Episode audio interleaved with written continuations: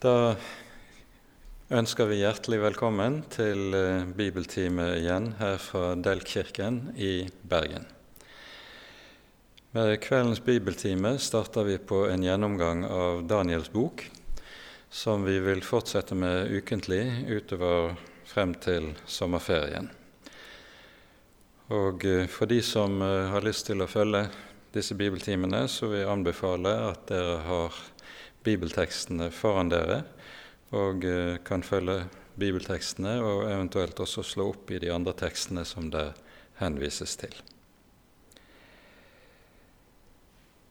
Vi vil be sammen før vi leser fra Guds ord.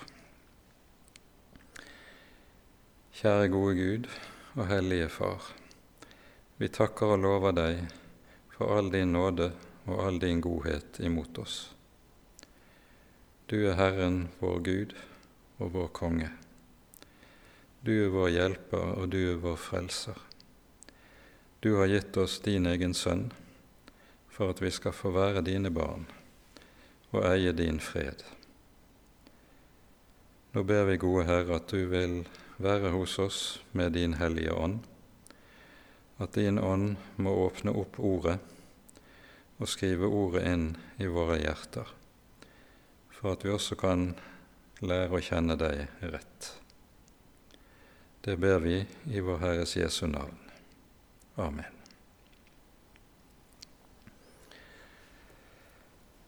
Når vi i dag begynner på en gjennomgang av Daniels bok, så betyr det at vi kommer til å beskjeftige oss med et av de mest særpregede skriftene vi har i Det gamle testamentet, ja, i Bibelen som helhet. Daniels bok er enestående i Det gamle testamentet, og i Det nye testamentet har det sin parallell kun i Johannes' åpenbaring. Denne parallellen er meget tydelig i det åpenbaringsboken også gjør flittig bruk av en del av det vi hører i nettopp Daniels bok. Daniels bok står i eh, det hebraiske Gamle testamentet ikke blant profetskriftene. I stedet regnes det til skriftene. I den hebraiske bibelen deler man gjerne inn de ulike eh, bibelskriftene i Moses, profetene og skriftene. Og Danielsboken står altså ikke blant profetene, men blant skriftene. Og Dette henger for en stor del sammen med det særegne ved Daniel og hans virke. Daniel kom ikke til å virke som profet i det jødiske folk. Skriftet hans er i høy grad et profetisk skrift, men til forskjell fra de øvrige profetene som vi har i Det gamle testamentet, så hører vi ikke om at Daniel noen gang beveger seg i sitt eget folk. I stedet blir han etter hvert en høy embetsmann i eh, det babylonske embetsverket en av kong Nebukadnesas fremste tjenere. Og som bibelsk parallell til Daniel er det Josef, som vi hører om i Første Mosebok, som er, står ham nærmest. Akkurat som Josef eh, kommer til å opphøyes til å få en ledende stilling ved faraos hoff, slik gjelder det samme Daniel i det babylonske hoffet. Og Foranledningen til at Josef opphøyes på denne måten, det er at Josef kan tyde faraos drømmer, noe som er nøyaktig parallelt til det som er bakgrunnen for Daniels opphøyelse. Så slik sett så er Daniel så å si den babylonske Josef.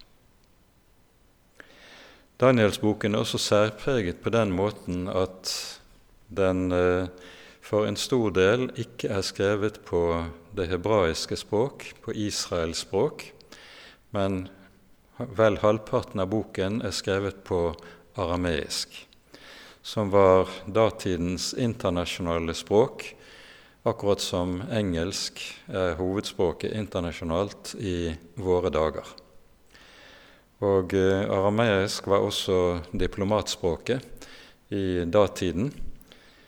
Vi hører i kapittel 1 i Danielsboken at når Daniel bortføres til Babylon, så mm, skal han settes i skole for å bl.a. lære babylonernes språk.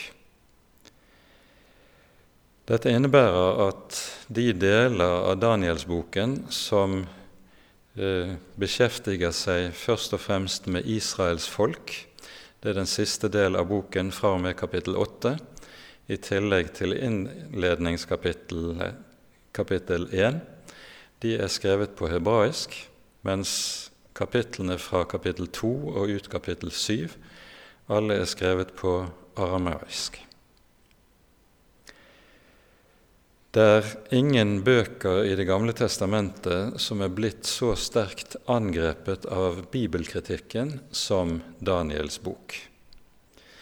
Dette henger sammen med at Danielsboken såpass detaljert forutsier fremtiden, tiden frem fra det babylonske verdensrikets periode, helt frem til Kristi tid.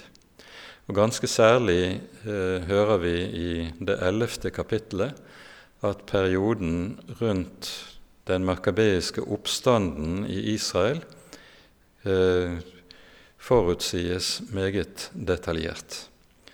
Og det er skepsisen mot at det i det hele tatt er mulig å forutsi fremtiden såpass detaljert som vi hører det i Danielsboken, som også er bakgrunnen for at man har hevdet at Danielsboken ikke kan ha blitt til i den perioden den selv hevder å ha blitt nedfelt og nedskrevet, men i stedet er skrevet antagelig rundt år 160 før Kristus, altså etter de hovedsakelige begivenhetene som omtales i boken.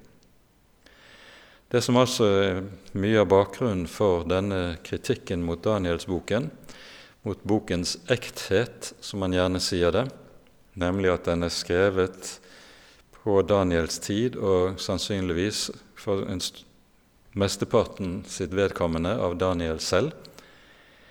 Det, dette angrepet mot bokens ekthet det har altså sin bakgrunn i troen på at det er umulig å forutsi fremtiden. Disse bibeltimene kommer til å ha utgangspunkt i det Bibelen selv har å si om eh, at Gud er den som er den allvitende Gud. Han er underets Gud, den som kjenner alle tider like godt. Og Derfor sier hos profeten Jesaja i det 46. kapittel om seg selv Jeg er Herren, den som fra begynnelsen forutsier enden. Allerede på 200-tallet etter Kristus har vi en uh, filosof som heter Porfyrios, som kommer med denne kritikken mot Danielsboken. Han skriver to tolv eh, bøker med en til dels harsk og hatsk kritikk mot kristendommen. Og Den siste av disse tolv bøkene er viet kritikken av Daniels bok. Den kristne kirke kom aldri til å bøye seg for å dele kritikken til Porfyrios. Men denne kritikken ble tatt opp igjen med gjennombruddet av den historisk-kritiske forskningen da opplysningstiden kom på slutten av 1700-tallet. Og I store deler av dagens gammeltestamentlige teologi er det opplest og vedtatt at Danielsboken den ble altså skrevet etter at de begivenhetene den gir seg ut for å forutsi, hadde skjedd. Vi lar alle slike vantroens innvendinger ligge. Vi går ut fra og regner med i disse bibeltimene at boken er forfattet i det tidsrommet som den selv angir, at den har Daniel sitt liv på 500-tallet før Kristus som bakgrunn og opphav. Og så vet vi ikke om det er Daniel selv, eller om det er en av hans venner, som vi hører om i boken, som står bak Skriftet som forfatter. Det er for øvrig slik at de seks første kapitlene i Danielsboken, som er de historiske kapitlene, der vi får høre om uh, ulike begivenheter i Daniels liv, de avsnittene er skrevet i tredje person. Daniel omtales i tredje person. Mens de siste kapitlene, fra kapittel syv av og utover, de er skrevet slik at Daniel omtales i første person. Han skriver 'jeg'. Så vi har et tydelig skille her som går mellom kapittel 6 og kapittel 7, altså mellom de historiske avsnittene i boken og de mer rent profetiske eller apokalyptiske kapitlene. I Bibelen er Daniel omtalt flere andre sammenhenger. For det første er det slik at hos profeten Esekiel hører vi ham omtalt både i kapittel 14 og i kapittel 28 blant de viseste og mest rettferdige av alle mennesker. Han nevnes på linje med Noah og Jobb som rettferdig, hellig og vis. Danielsboken har også en helt spesiell stilling i Kristi liv. Jesus viser til Danielsboken i sin store endetidstale i Matteusevangeliets 24. kapittel. Men i det 26. kapittel, når Jesus er grepet og blir forhørt av Det høye råd, så spør ypperstepresten ham om han er Guds sønn. Og Jesus svarer med å si, «Eh, du sier det, og fra nå av skal dere ikke se Menneskesønnen før dere ser ham sitte ved Faderens høyre hånd og komme med himmelens skyer. Disse ordene er en henvisning til Daniel 7, 13, der vi hører nettopp om menneskesønnen som kommer med himmelens skyer og setter seg på en trone ved den allmektiges høyre hånd. Og dette blir da årsaken til eh, blasfemidommen mot Jesus. Når Jesus har sagt disse ordene, så hører vi at ypperstepresten sønderriver sine klær og sier:" Hva skal vi mer med vitner? Vi har hørt gudsbespottelsen alle sammen. Hva sier dere? Og så sier de alle at han er skyldig til døden. Så på denne måten så har altså budskapet i Danielsboken en helt spesiell betydning også inn i Vår Herres Jesu liv. Det er viktig å ha et visst overblikk over den tid eh, vi befinner oss i når vi er inne i Daniels liv. Dette er en veldig omveltningstid, en veldig katastrofetid for Israels folk i den gammeltestamentlige perioden. Det er denne perioden at babylonerne erobrer israelsfolket, eller Juda og Jerusalem, og ved sin konge Nebukadnesa eh, jevner Jerusalem med jorden og legger Salomos tempel øde, samtidig som han også fører den del av folket som ikke dør under beleiringen og krigen, de føres i fangenskap. Det er slik at Nebukadneser blir hersker i Midtøsten eh, på slutten av det sjette århundret før Kristus. I år 609 dør den siste gudfryktige kongen i Israel, kong Josias, i slaget ved Megiddo. Han har dratt ut for å møte den egyptiske farao Neko og hindre ham i å dra nordover for å alliere seg med den asyriske hæren i kampen mot Babylon. Det babylonske riket er nå på fremmarsj, og det er det babylonske riket som kommer til å avløse det asyriske verdensriket. Kong Josias prøver altså å hindre Neko i denne marsjen nordover, men faller i slaget ved Megiddo i år 609. Fire år senere står det endelige slaget i år 605 ved Karkemish nord i Syria.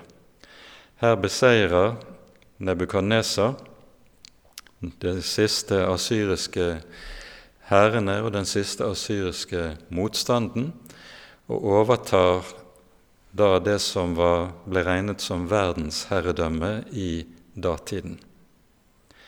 Og Derfor blir år 605 før Kristus regnet som kong Nebukadnesas første år. Det hører vi sies i Danielsboken. Og Det samme året står Nebukadnesar med sin hær utenfor Jerusalem, og Jerusalem slipper ham inn. Kong Jojakim blir lydkonge under det babylonske verdensriket. Og eh, når Nebukadnesar her kommer til Jerusalem, så tar han med seg en del av tempelskatten fra Salomos tempel og tilbake til Babylon. Men enda viktigere han tar med seg gisler. Og Blant gislene var altså Daniel og hans tre venner, som vi hører om i det første kapittelet i Danielsboken. Dette er en del av Nebukadnesas maktpolitikk og storhetspolitikk. Han tar med seg gisler fra kongehusene i alle de erobrede kongedømmene som han kommer til å få makten over. Og prinsene fra disse ulike kongedømmene de skal alle sammen gjøre tjeneste i eh, Nebukadnesas hoff, og på denne måten fremheve Nebukadnesas storhet og velde. Hans tjenere ved hoffet er kongesønner fra de erobrede land. Det er altså ikke så å si blott og bart gemene treller og slaver det handler om. Og det er som slike gisler at Daniel og hans venner altså bortføres. Nebukadneser kommer to ganger til til å stå utenfor Jerusalem. Kong Jojakim gjør etter hvert opprør mot Nebukadneser og håper å kaste hans åk av seg sammen med en del av de andre småkongedømmene i nærområdet. Og i år 597 kommer Nebukadnesar tilbake, inntar Jerusalem og avsetter Jojakim. Og ved denne anledning bortføres en stor del av folket i Juda og Jerusalem. Det er først og fremst overklassen i folket som bortføres og blir sittende som fanger i Babylon. Og ved denne andre inntagelse av Jerusalem i 597 er det at Esekiel også bortføres. Han kommer til å virke som profet blant de bortførte i Babylon gjennom store deler av denne tiden av landflyktighet. Så i Babylon har vi så da to profeter som virker. Det er Sekiel, som virker blant de bortførte, og Daniel, som altså er ved kongens hoff, og etter hvert også får en meget betydelig posisjon i Nebukadnesars administrasjon. Tredje gangen Nebukadnesar står utenfor Jerusalem, er ti år senere, i år 587. Sedekias, som var innsatt som lydkonge i Jerusalem etter Jojakim, gjør opprør mot Nebukadnesar, han også. Og Nå er Nebukadnesars tålmodighet slutt. Han kommer med hele sin hærmakt, inntar Jerusalem og sparer ingen. Byen stikkes i brann og legges øde, og Salomos tempel ødelegges til grunnen. Og dette er den store katastrofen. Og Med dette får vi altså den perioden der det jødiske folk lever i fangenskap i Babylon. Jeremias har profetert om 70 års fangenskap, 70 år for Babylon. Og Dette møter vi igjen et stykke ute i Danielsboken. Tallet 70 år blir et meget viktig tall når vi kommer til det niende kapittel. Det kommer vi til å vende tilbake til. I år 537 overtar det persiske riket makten. Babylon inntas dette året så godt som uten motstand, og kong Kyros eh, blir ved det persiske riket verdensmakten. Da har det babylonske riket regjert i 70 år, nøyaktig slik som profeten Jeremia forutsa det. Og eh, Daniel kommer da til å få kort, en kort virketid også i det persiske riket. Dette hører vi så vidt om i det sjette kapittel i Danielsboken. Dette betyr at Daniel må ha blitt meget gammel. Hvis han altså bortføres i år 605 og antagelig har vært en tenåring da, mellom la oss si en 14 til 16-17 år gammel, så betyr det at han, når perserne kommer til makten og overtar herredømmet i Babylon, vil være godt over 80 år gammel. Hvor gammel han blir, vet vi ikke. Når han dør, vet vi heller ikke. Boken beretter ikke om dette. Men han kommer altså til å bli en meget gammel mann og gjør sin trofaste tjeneste for Herren helt opp i sin høye alderdom. Dette får holde som innledning til eh, boken, og vi leser nå det første kapittelet i sammenheng.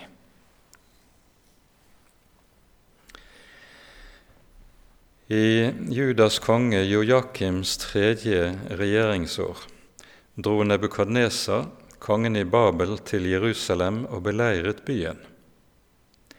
Herren overgang Judas konge Jojakim i hans hånd, likeså en del av karene i Guds hus. Nebukadnesa brakte karene til Sinias land, til sin Guds hus, og han satte dem i sin Guds skattkammer. Kongen sa til Aspenas, sin øverste hoffmann, at han skulle ta med seg noen av Israels barn, både av kongeætten og av de ansette familiene, unge gutter som var uten lyte, med vakkert utseende, som la for dagen forstand på all slags visdom og hadde evner til å vinne kunnskap og få innsikt i, innsikt i vitenskap, slike som var skikket til å tjene i kongens slott. Dem skulle han gi opplæring i kaldeernes skrift og språk. Kongen fastsatte deres daglige tildeling av kongens fine mat og av vinen han drakk. I tre år skulle de få opplæring, og når denne tiden var til ende, skulle de stå i tjeneste hos kongen. Blant dem var Daniel, Hananya, Mishael og Asarya av Judas barn. Den øverste hoffmann ga dem nye navn. Daniel kalte han Beltsasar, Hananya ble kalt Shadrak, Mishael ble kalt Meshak, og Asarja fikk navnet Abednego. Men Daniel satte seg fore i sitt hjerte at han ikke ville gjøre seg uren med kongens fine mat og med vinen som han drakk. Han ba den øverste hoffmann om at han måtte slippe å gjøre seg uren. Og Gud lot Daniel finne velvilje og barmhjertighet hos den øverste hoffmann. Men den øverste hoffmannen sa til Daniel, Jeg er redd for at min herre kongen, som har bestemt hva dere skal spise og drikke, hva han skulle synes at dere ser dårligere ut enn de andre guttene på deres alder. Da ville dere føre skyld over mitt hode hos kongen.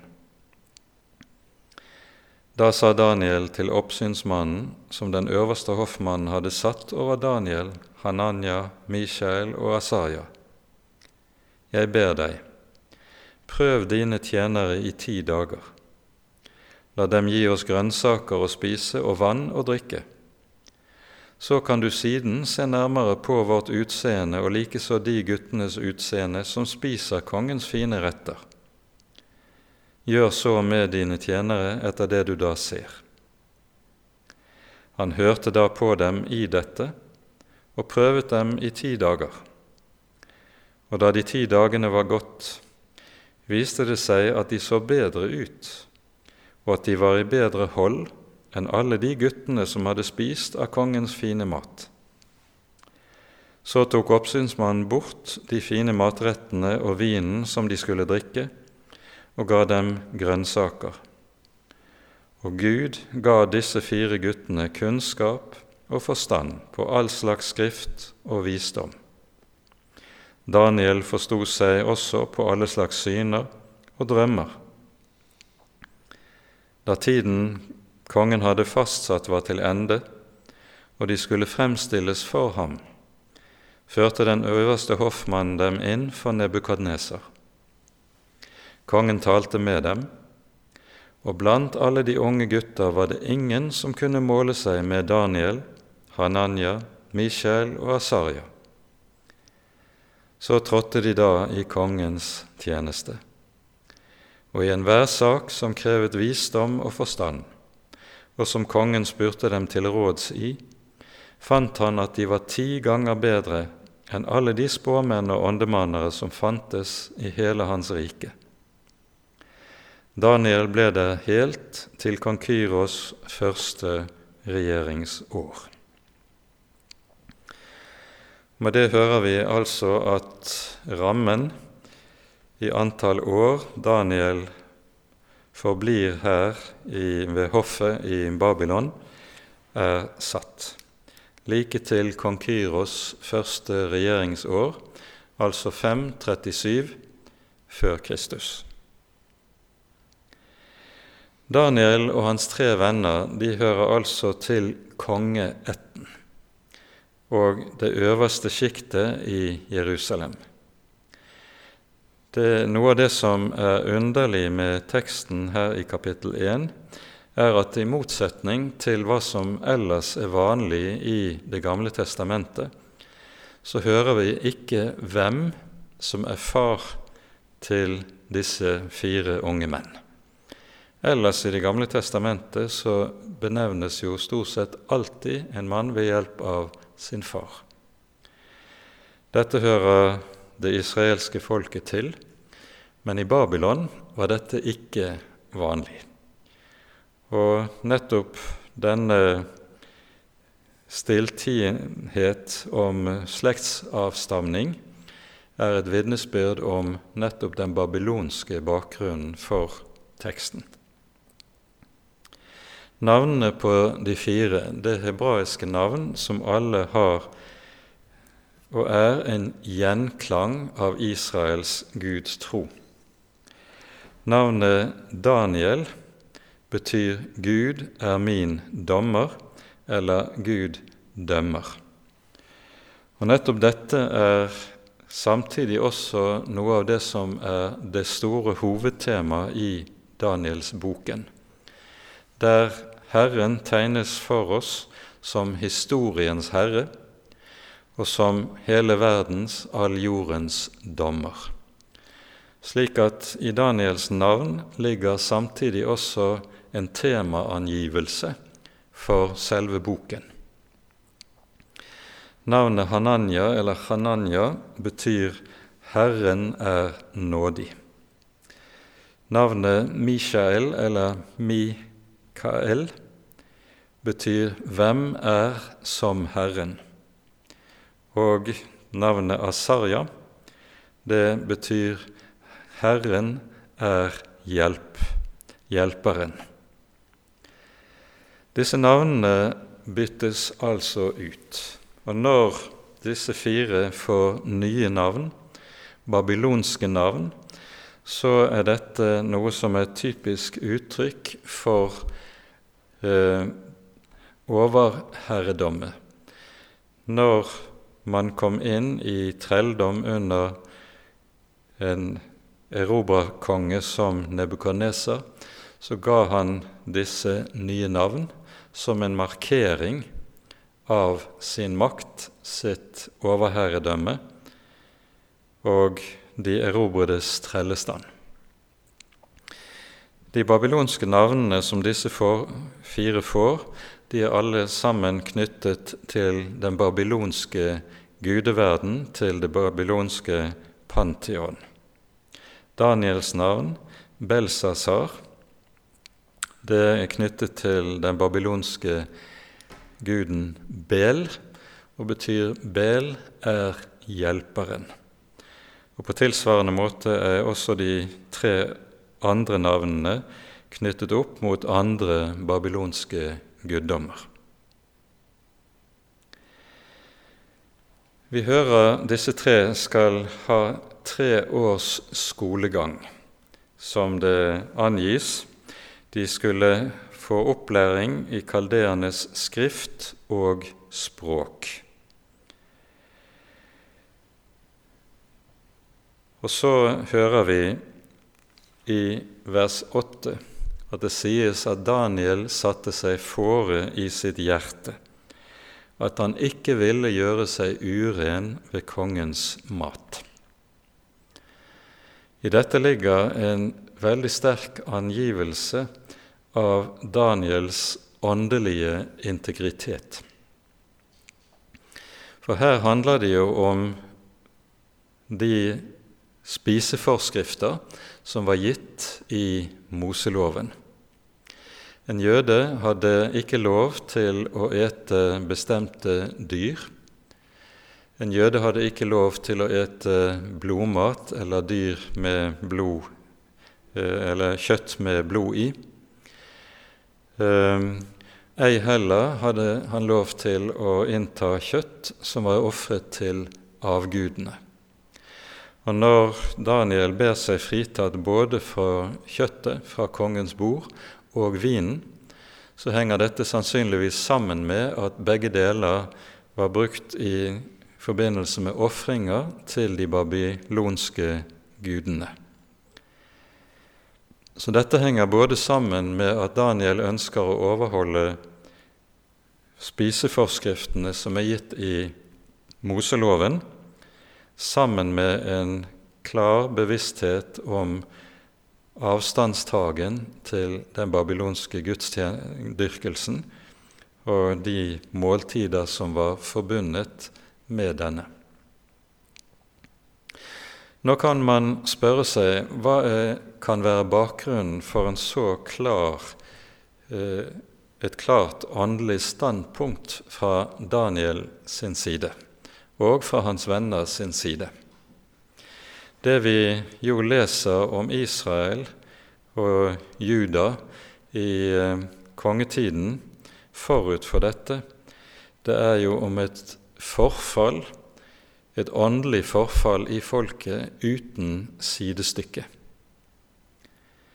Og det er nettopp på grunn av det åndelige forfall i folket at Herren lar babylonerne komme, føre folket i fangenskap og la legge Jerusalem og tempelet øde.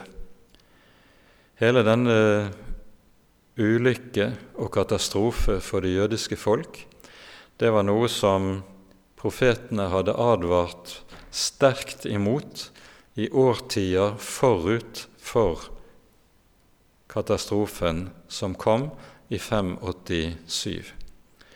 Hos Jeremia hører vi det gjentatte ganger sies uttrykkelig at ødeleggelsen er fast besluttet fra Herrens side. Og Nebukadnesar kalles sågar hos Jeremias for Herrens tjener.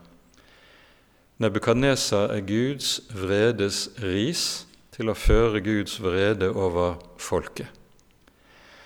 Og Jeremias samtidige, Sefania og profeten Habakuk, de forutsier samme sak, taler om den forestående ulykke. Samtidig som vi hos disse profetene også møter en inderlig forbønn for folket. De lider med folket i den ulykke som ligger foran.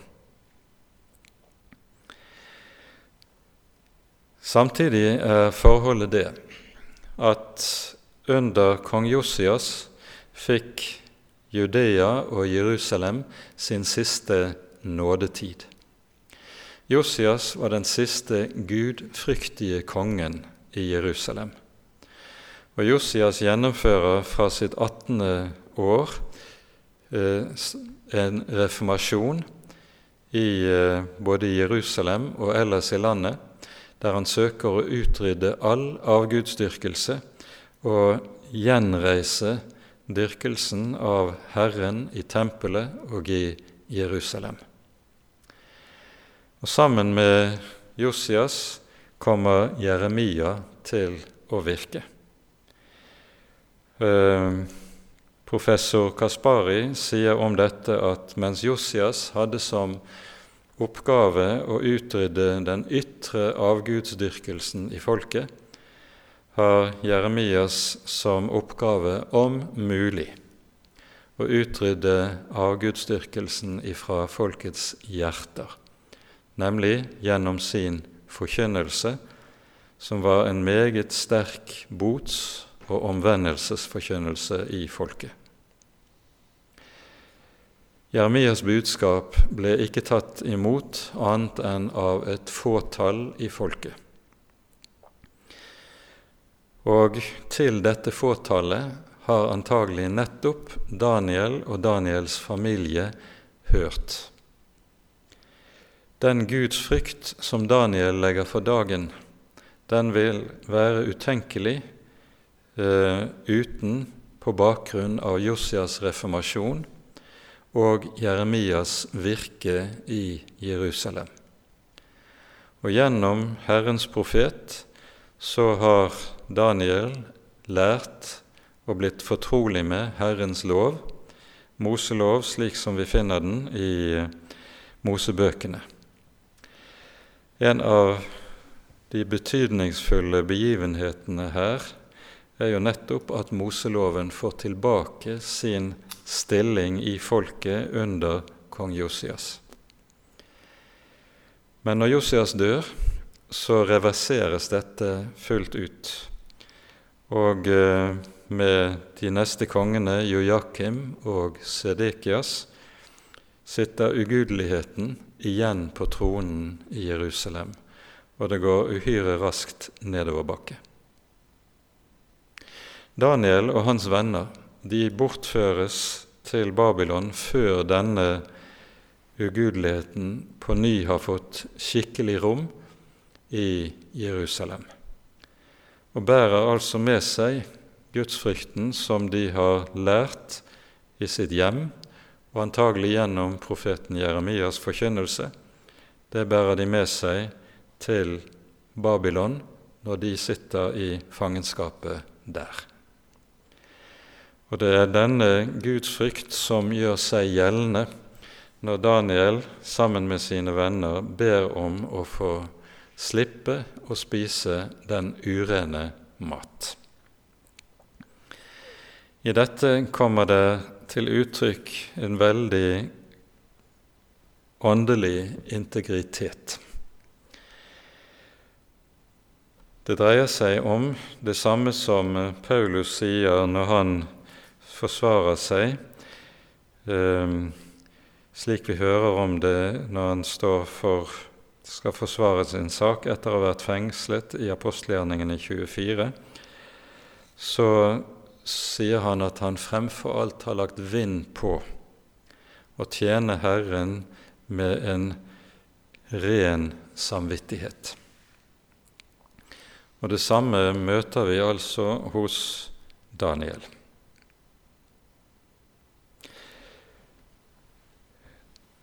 Det som Daniel står overfor når han på denne måten skal gjøre tjeneste ved hoffet, det er egentlig en urform av møtet mellom Guds rike og verden der det store spørsmålet dreier seg om hvor langt vil man eventuelt gå på akkord med sin tro. Daniel vil ikke gå på akkord og ber om å få miskunn i tilsynsmannens øyne til å prøve å spise kun ren mat. Og Underlig nok så får han lov til det. Og det viser seg at dette fører til stor velsignelse for både Daniel og Daniels venner. I og med at de ikke bøyer seg for den babylonisering som de i prinsippet er utsatt for her, så blir de også bevart.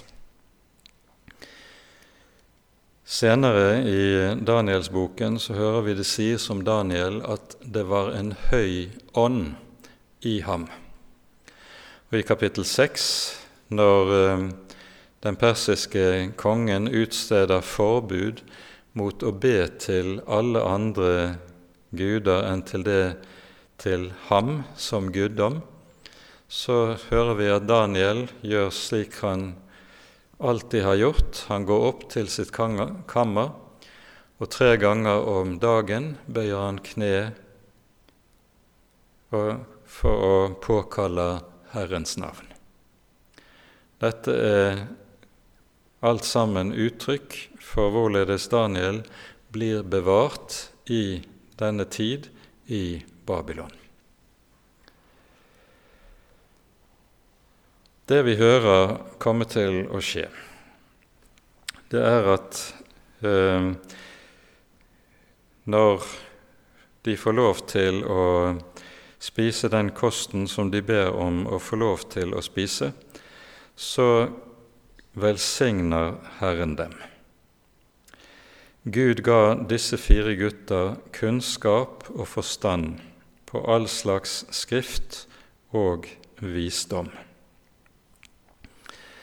Visdom er, slik som Det gamle testamentet taler om det, nettopp noe som er en Guds gave. Dette sies uttrykkelig i en rekke sammenhenger. Og det henger sammen med det som vi leser i innledningen til Ordspråksboken, der vi hører det sies 'Å frykte Herren er begynnelsen til visdom'. Og det er nettopp det vi møter hos Daniel.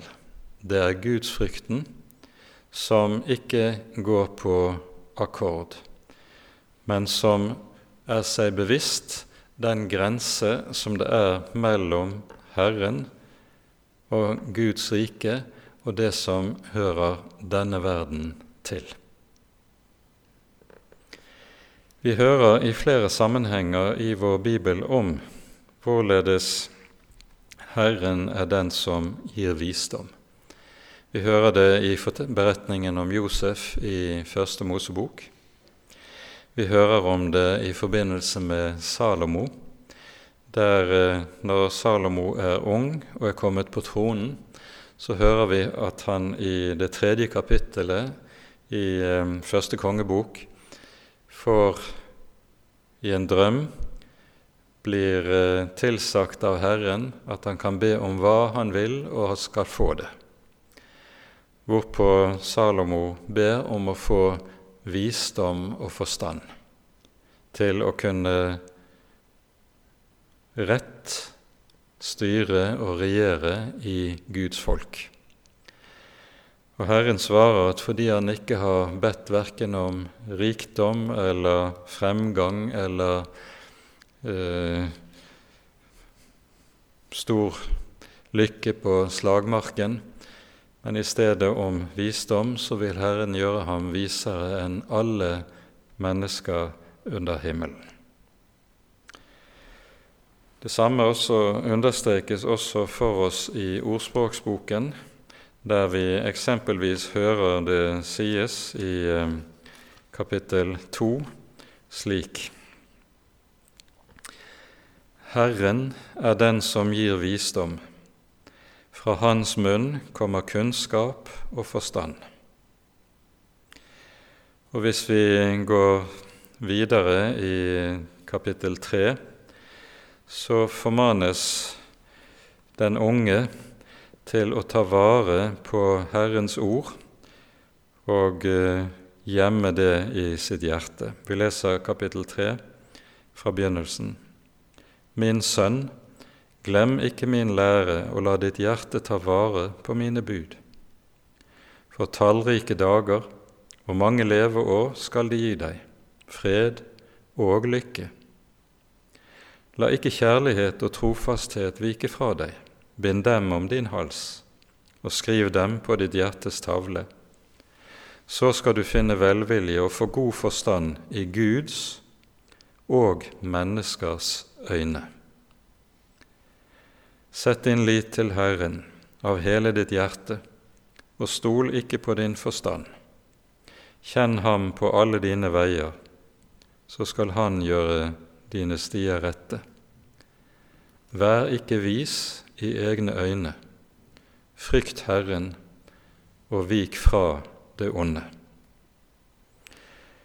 Det vi hører i disse versene, kunne meget vel vært en beskrivelse av den Daniel som vi møter i Daniels bok.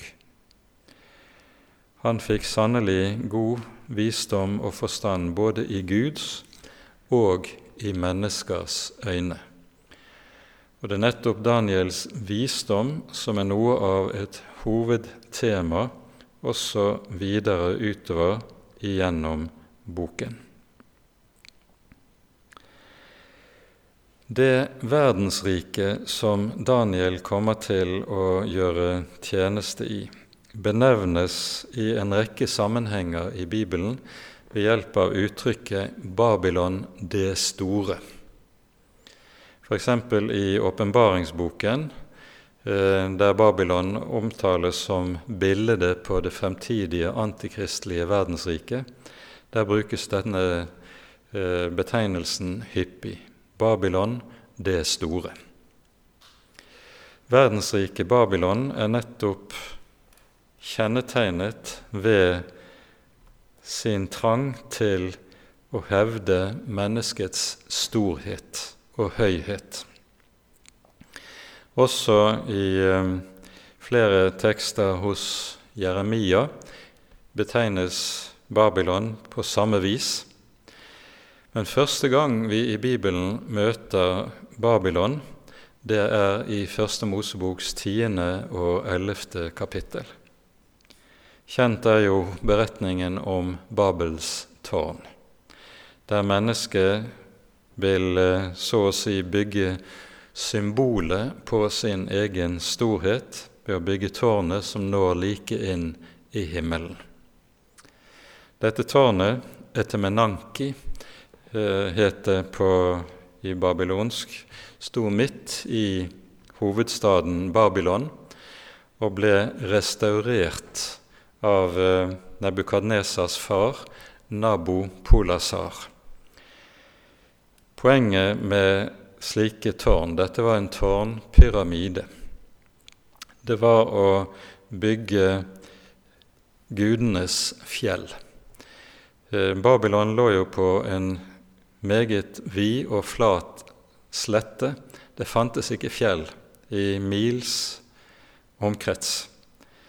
Så tårnet blir et fjell, og det høye fjell i Norden ble i store deler av Midtøstens mytologi regnet som gudenes bosted.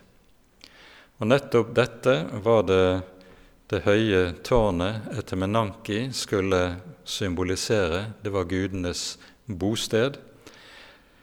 Det tårnet var bygget i syv trinn, og det øverste trinnet, det syvende trinnet, det var der gudene, eller guden holdt til.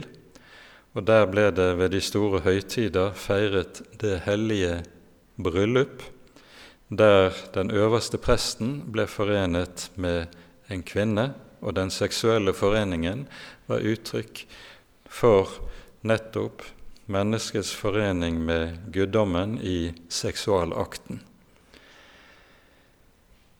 Dette er det vi møter i beretningen om Babelstårnet i Første Moseboks ellevte kapittel. Men det er viktig å være oppmerksom på at når Babelstårnet reises, så skjer det i den periode som omtales i det tiende kapittel i Første Mosebok, der vi hører om Nimrod, som var den første som fikk stor makt på jorden. Nimrod er nettopp den som underlegger seg disse områdene i eh, Mesopotamia som omfatter både det asyriske området og det babylonske området. Han var en stor jeger, sies det om Nimrod, dvs. Si han var en som jaget mennesker. Med sin voldsfremferd underla han seg menneskene under sitt herredømme. Han er den første som får stort herredømme, sies det. Og han bygger den store by som den gang var Ninive. Navnet Nimrod er viktig. Det kommer av en hebraisk stamme som betyr å gjøre opprør. Og navnet Nimrod betyr 'vi vil gjøre opprør'. Og det er nettopp det Babelstårnet er uttrykk for. Det er menneskehetens opprør mot sin Gud og sin skaper. Og når mennesket gjør opprør mot sin Gud og sin skaper, så vil mennesket være stort, og Gud settes som en liten i skammekroken. Det er dette som også ligger bak at Babylon kalles det store. Det er uttrykk for og symbolet for det menneskelige Guds opprøret.